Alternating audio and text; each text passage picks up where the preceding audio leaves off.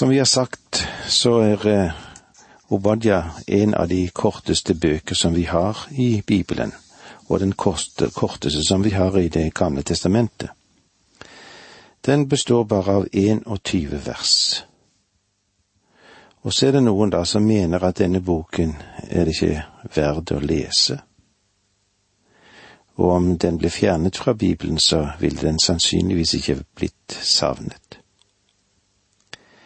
Men om boken er kort, så betyr ikke det at budskapet er mindre viktig, eller mindre spesielt. Som for de andre mindre profetene er budskapet det primære. Det er nærgående, det er praktisk, og det er distinkt. Det er et budskap som kan anvendes på den tid som vi lever i nå. Og det er jo viktig. At budskapet formaliseres slik at det kan være viktig for deg og meg, vi som lever i dagens situasjon. Vi ser nå på Edoms ødeleggelse. Ingen av disse såkalte mindre profetene er utslukte vulkaner. I stedet er det bevisst handling som kommer frem. Det er ingen kald aske i noen av disse. De spyr ut smeltet lava.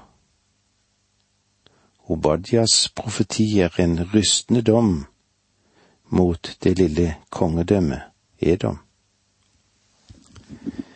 Vi vil nå se på dommen som melder anklagen mot Edom. I det første verset her leser vi dette er Obadias syn. Så sier Herren Gud om Edom. En tidende har vi hørt fra Herren.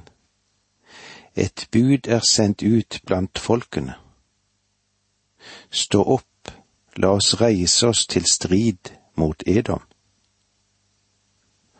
Obadia forteller oss med en gang, han går rett på sak, at dette er et syn som Gud har gitt ham selv. Hvem er nå denne personen Obadja? Som jeg nevnte i innledningen, så er han en av de små profetene som vi ikke kjenner noe personlig til. Hans navn, det var et ganske vanlig navn i Israel, og så betyr det Javes tjener. Så sier Herren Gud om Edom. Edom er nøkkelen til denne lille boken. Så da må vi gå tilbake til første Mosebok for å bestemme Edoms identitet. I første Mosebok, der har vi beskrivelsen av Esaus ett. Så legg merke til denne kommentaren. Dette dette er ætten til Esau, som også kalles Edom, som det står i første Mosebok 36.1. Det står også dette når vi kommer litt lenger ut i dette kapittelet, altså første Mosebok 36, versene 8 og 9. Esau slo seg da ned i Seirfjellene. Esau, der Edom. Dette er retten til Esau, stamfar til edomittene i fjellene Seir. Dette er en historisk nedtegnelse som vi får foran oss her, og så gjentas den tre ganger. Selv om jeg er ganske sikker på at Moses ikke visste det, så visste Guds ånd at dette måtte understrekes. Esau er Edom, og Edom er Esau.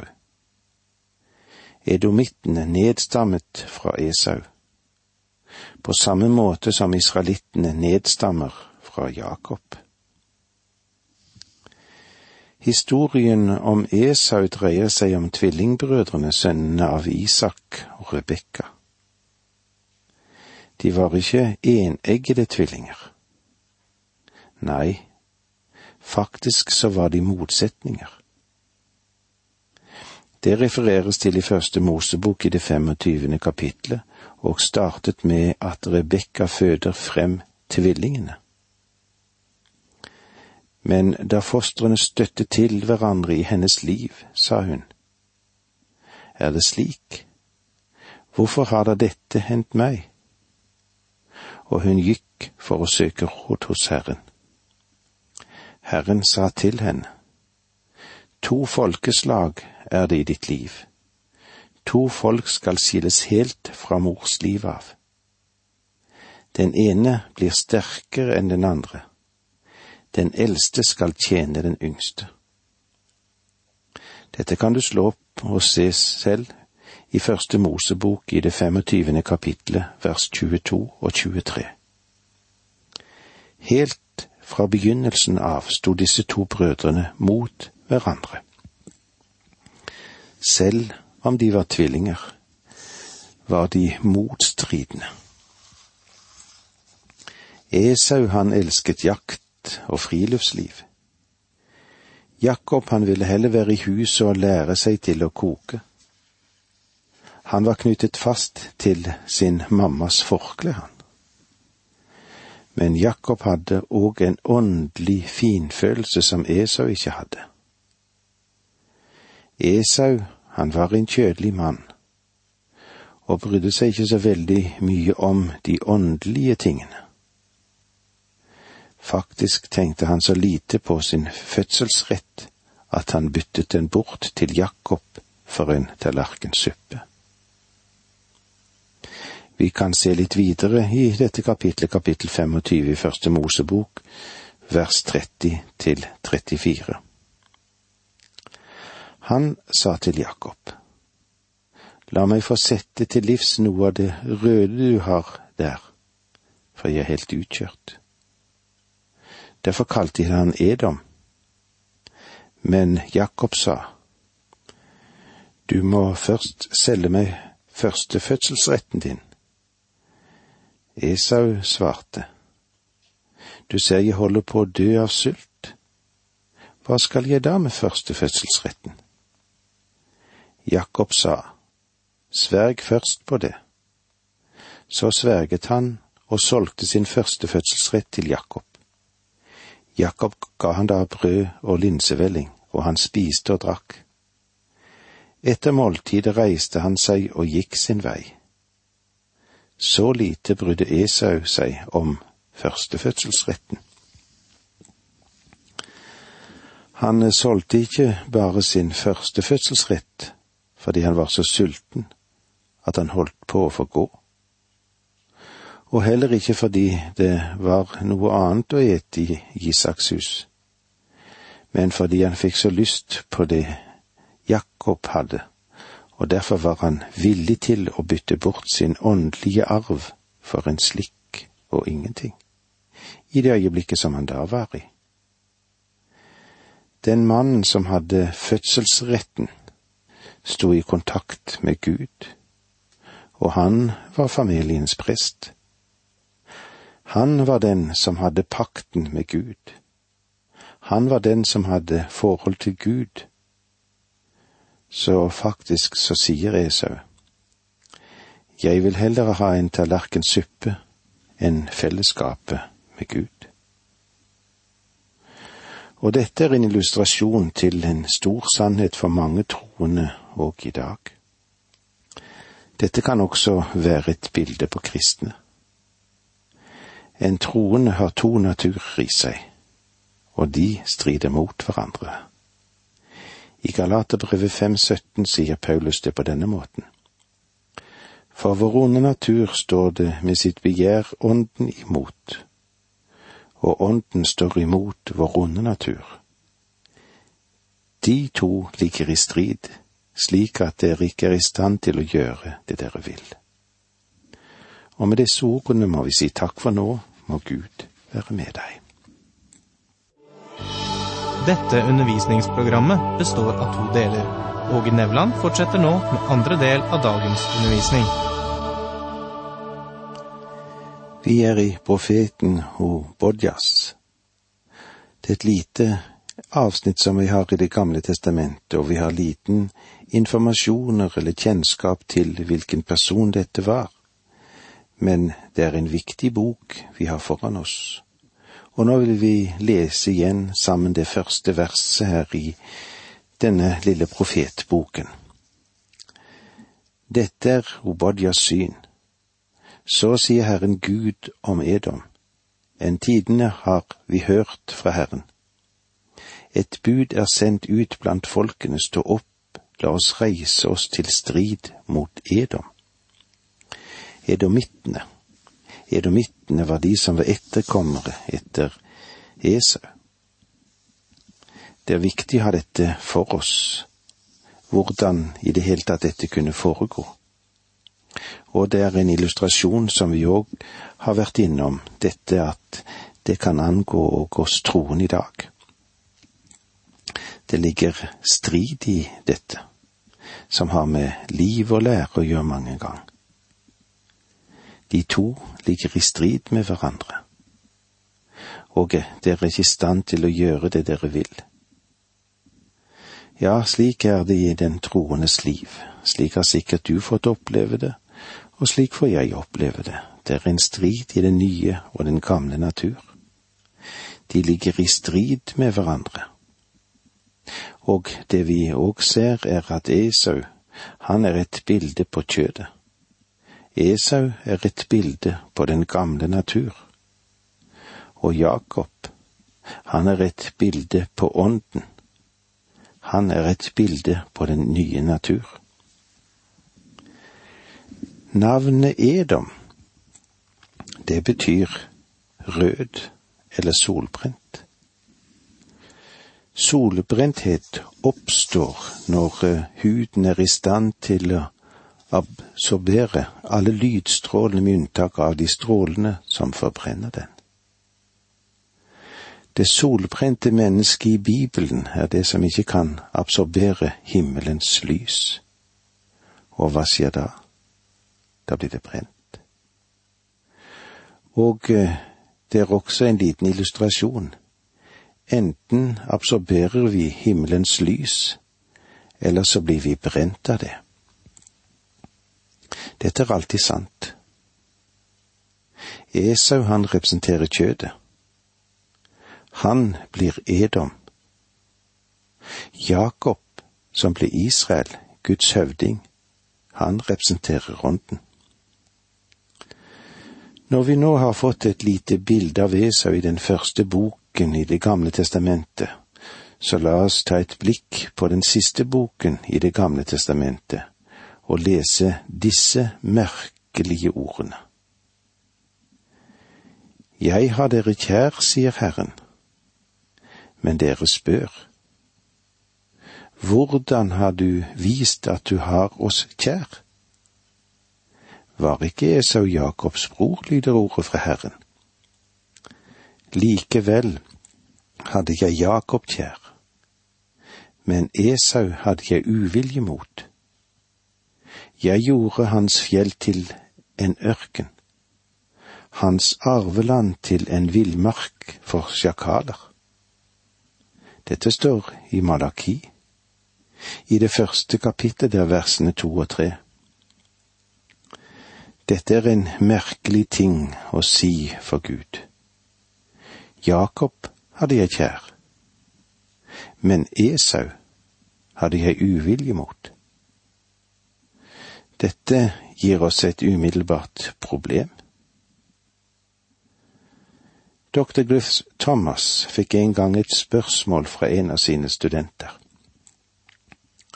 Jeg kan ikke forstå hvorfor Gud sier at han hadde uvilje mot Esau. Dr. Thomas svarte da på denne måten. Unge mann, jeg har også problemer med dette verset, men mitt problem synes å være annerledes enn ditt. Jeg kan forstå hvorfor han hadde uvilje mot Esau men jeg kan ikke forstå hvorfor han elsket Jakob. Vel, det er det som gir denne lille profetboken, Obadjas bok, så viktig. Det er det eneste stedet i Guds ord at vi finner en forklaring på hvorfor Gud hadde uvilje mot Esau. I vers seks sier det om Esau at hans skjulte skatter er oppsporet. Med andre ord så er det nå lagt åpent fram og kan beskues av andre. Obadja setter mikroskopet på Esau, og når du ser gjennom mikroskopet, så ser du Edom. Og det er ikke bare slik at Obadja fokuserer mikroskopet på Esau, men Obadja, han er Guds mikroskop. Derfor inviterer jeg deg til å komme og se gjennom mikroskopet. Se, denne ene Esau. Han ble forstørret. Den ene Esau er nå blitt til 250 000 små Esauer, og der er de. Fotografen tar et lite negativt og blåser det opp til en stor, stor forstørrelse. Han sier, Jeg forstørret opp bildet. Obadja er det forstørrende bildet av Esau. Det er under denne forstørrelsen vi får se hvorfor Gud hadde uvilje mot Esau. Det som i begynnelsen var bare som en liten rød flekk, kan nå utviklet seg til en dypgripende kreft. Det som var lite i Esau, blir nå forstørret opp 100 000 ganger i nasjonen Edom. Gud sa ikke fra begynnelsen at han hadde uvilje mot Esau. Han måtte vente til han ble et folk, og åpenbarte de forhold som fikk Gud til å ha uvilje mot ham. Gud sa aldri at han hadde uvilje mot Esau eller elsket Jakob før du kommer til den siste boken i Det gamle testamentet. Begge disse to menn er nå blitt nasjoner. Edom og Israel. Israel er blitt brukt av Gud på en mektig måte gjennom mange hundre år. Israel frembrakte menn som Moses, Josva, Samuel, David, Hiskia, Nehemja, Esra og mange, mange andre. Men det folk som nedstammet fra Esau, det ble et gudløst folk. Edom vendte ryggen til Gud. Men eh, hva var det da som fikk Gud til å ha slik en uvilje mot Esau og avsky for dette folket. Vers to Se, liten gjør jeg deg blant folkene, dypt foraktet skal du være. Dette store folket, for de var et stort folk, det vil vi se når vi går videre i denne boken. De vil nå bli bøyd Obadja fremstiller dette som en profeti som ser mot fremtiden. Men fra det punktet vi står i dag, kan vi se denne profetien fullbyrdet. Hva var Edoms store synd som førte til at Gud dømte dem? Vers tre Ditt hjertes hovmod har næret deg. Du som bor i fjellkløfter har ditt tilhold i høyden. Du som tenker med deg selv, hvem kan styrte meg til jorden? Ditt hjertes hovmod har næret deg. Hva var årsaken til Guds vilje mot Edom? Det var hovmod. Jeg er ganske sikker på at når jeg sier det, så er det som vinden går ut av seilene på mange som lytter. De sier, er det alt? Hovmod er ikke bra. Men det er det ikke så ille, er det det? Vi vil komme videre inn på dette når vi kommer inn i neste sending, men eh, det er iallfall slik at ytre trygghet, det hjelper liten når Herren dømmer og når Han kommer med sin dom. Og her er det et eksempel på Guds dom over motstandere av Herren og Hans folk, og det folket som var i Edom. Synden, den skildres først generelt som overmot og selvsikkerhet. Senere vil vi se hvordan det går med den kløkt som måtte komme. Dommen fører til ydmykelse, og folket, de kan være redskaper for slikt. Og med disse ordene må vi si takk for nå, må Gud være med deg.